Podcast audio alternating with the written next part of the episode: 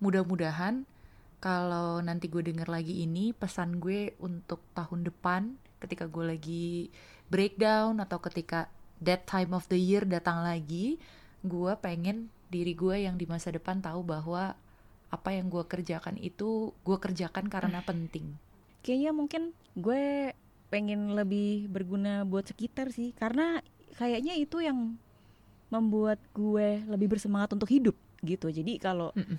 Ada hal-hal yang tidak tercapai gue akan frustrasi hopefully Hmm.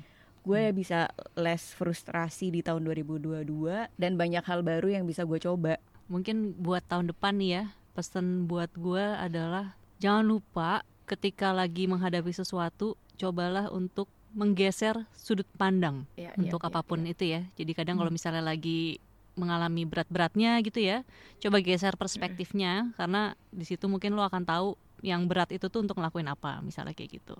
Kalau buat gua, kalau misalnya ingatlah bahwa relationship itu bukan cuma sama manusia. Relationship itu bisa urusannya sama diri lu sendiri, sama duit, sama makanan, sama alam dan gua rasa kalau lu bisa punya relationship yang setara dengan hal-hal kecil di sekitar lu, hidup lu akan lebih peaceful.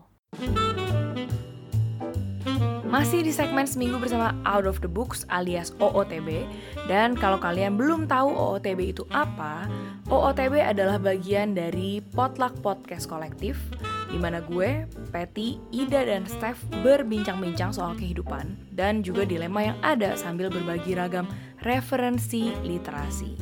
Jadi bisa dibilang OOTB ini semacam ladies book club tapi dalam bentuk podcast.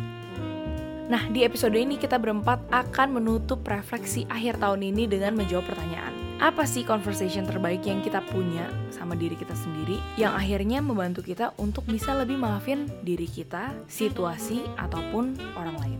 Tentu aja ini ada urusannya dengan personal struggle kita akan kondisi keluarga, pertemanan, dan juga kesehatan mental yang sering naik turun. So langsung aja dengerin episode ini dan semoga episode ini bisa nemenin kalian berefleksi di akhir tahun 2021.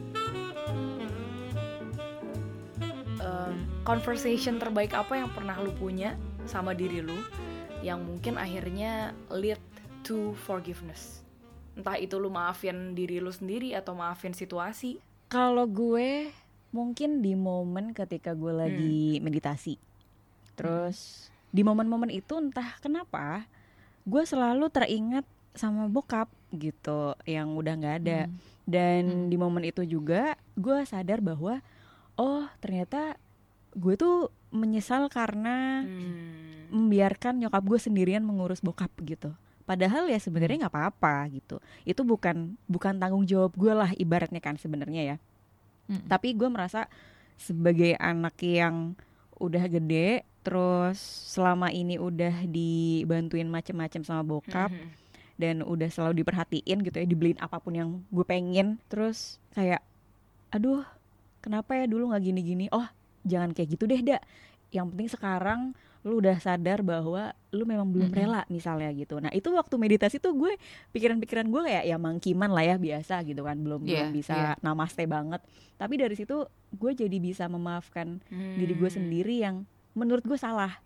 Tapi juga Iya, iya, menurut iya, iya, iya. gue bukan salah juga ya apa ya kayak oh bukan sepenuhnya salah lo kok gitu tenang aja. Iya. Ini tuh iya, ada iya. ini tuh ada alasannya kenapa waktu itu lo tidak melakukan ini biar di masa sekarang lo bisa merasakan ini gitu jadi setiap gue nulis jurnal gitu sebelum tidur atau pas bangun Mm-mm. tidur itu gue selalu menyelipkan kayak eh lihat nih ya anak ayah udah nyampe sini terus kemarin tuh nangis kepikiran ayah karena gini-gini keinget lalalalala gitu terus kayak eh, oh ya udah berarti ini apa ya bentuk forgiveness gue bentuk penerimaan Hmm. apa-apa yang pernah gue lakukan Iya. gitu sih kalau gue ya Mendadak mellow.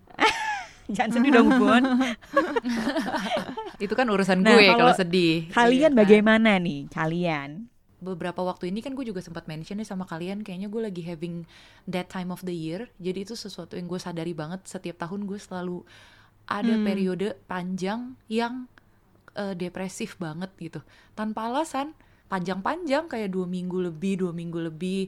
Di mana itu kayak semua negativity semua kesialan semua Mercury retrograde itu ditubrukin di satu periode itu gitu.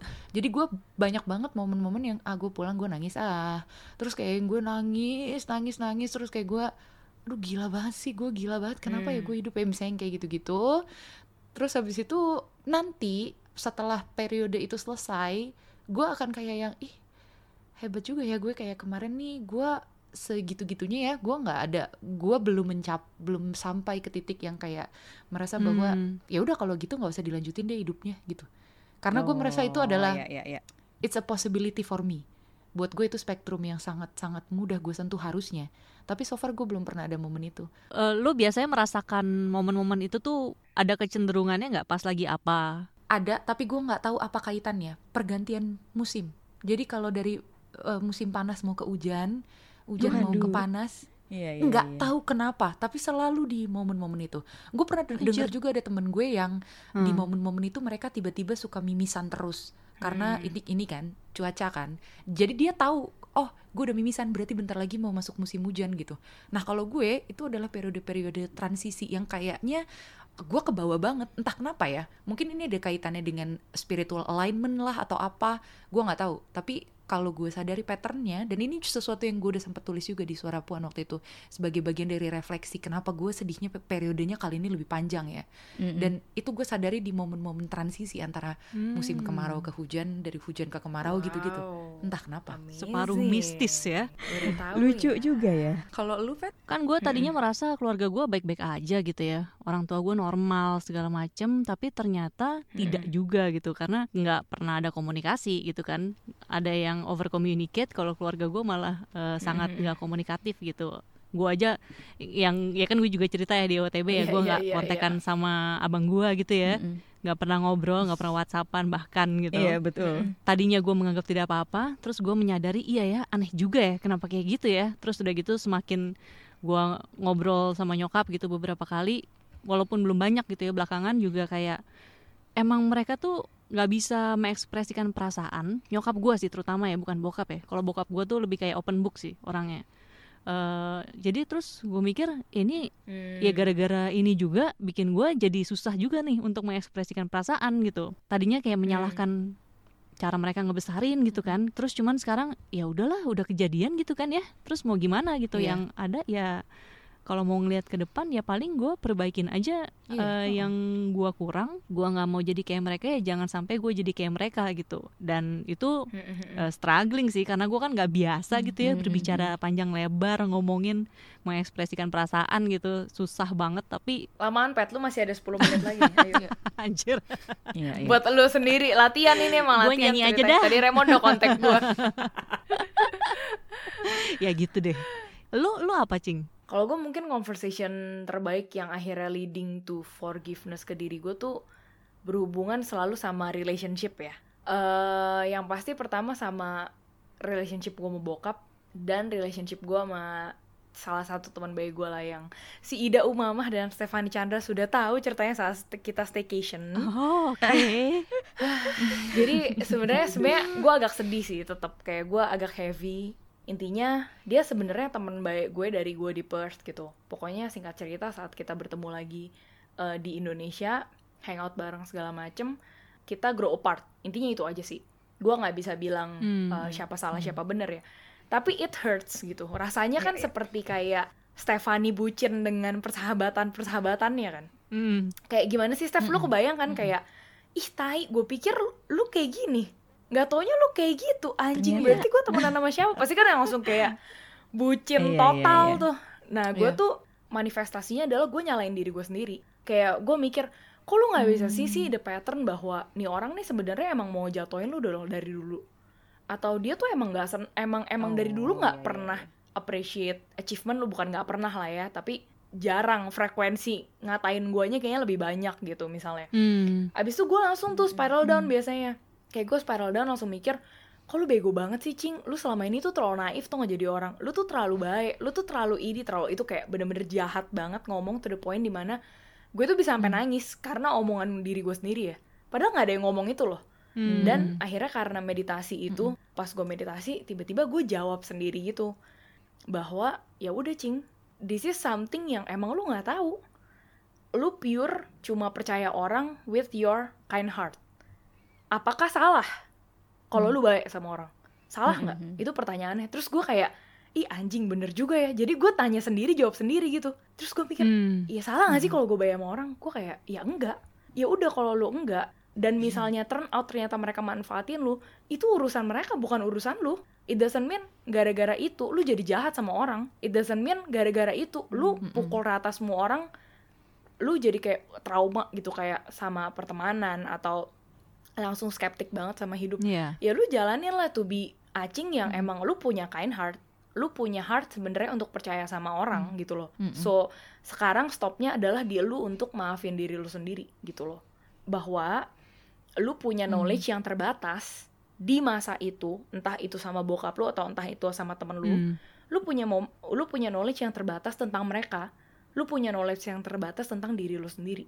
Udah itu aja. Selesai. Nggak ada salah siapa-siapa terus nggak tau kenapa pas gue ngomong itu gila men kayak beban tuh kayak diangkat dari hati gue yang kayak damn gue feel so relief tuh gak sih? Kayak kalau sekarang ditanya apakah gue benci sama orang yang menjahati gue atau mungkin gue nganggepnya kayak bring me down gitu ya ya gue dibilang benci enggak ya? Tapi lebih ke aduh udah deh lu jangan ganggu peacefulness gue gue lagi seneng banget sama peacefulness yang ada di diri gue at the end of the day kan sometimes ada beberapa orang yang ya mereka mesti ngerjain PR sendiri ya. You Iya. cannot you cannot fix people. Iya, itu aja kecuali ya even lu psychologist aja you still cannot fix people. Itu sih yang gue kayak wow pencerahan terbesar. Wah, kita tutup episode ini dengan tepuk tangan bersama aja ya untuk diri kita ya. yuk kita butterfly hug yuk sama-sama sambil kayak foto najis kayak foto sure jatuhnya gitu ya. Anjir. Segmen Seminggu bersama Out of the Books udah selesai nih menemani kalian dari hari Senin, Rabu, dan Jumat. Anyway, kalau kalian tertarik untuk ngedengerin beberapa episode yang udah gua Steph, Patty, dan Ida mention, kalian bisa langsung cari podcast Out of the Books di Spotify dan kalau kalian mendapatkan sesuatu dari podcast OOTB ini, langsung aja follow dan kasih ratings di Spotify dan juga follow Instagramnya di @outofthebooksid dan semuanya disambung ya. Terima kasih untuk kalian yang udah mendengarkan podcast Abjad Tersirat dan juga segmen Seminggu Bersama sepanjang tahun ini.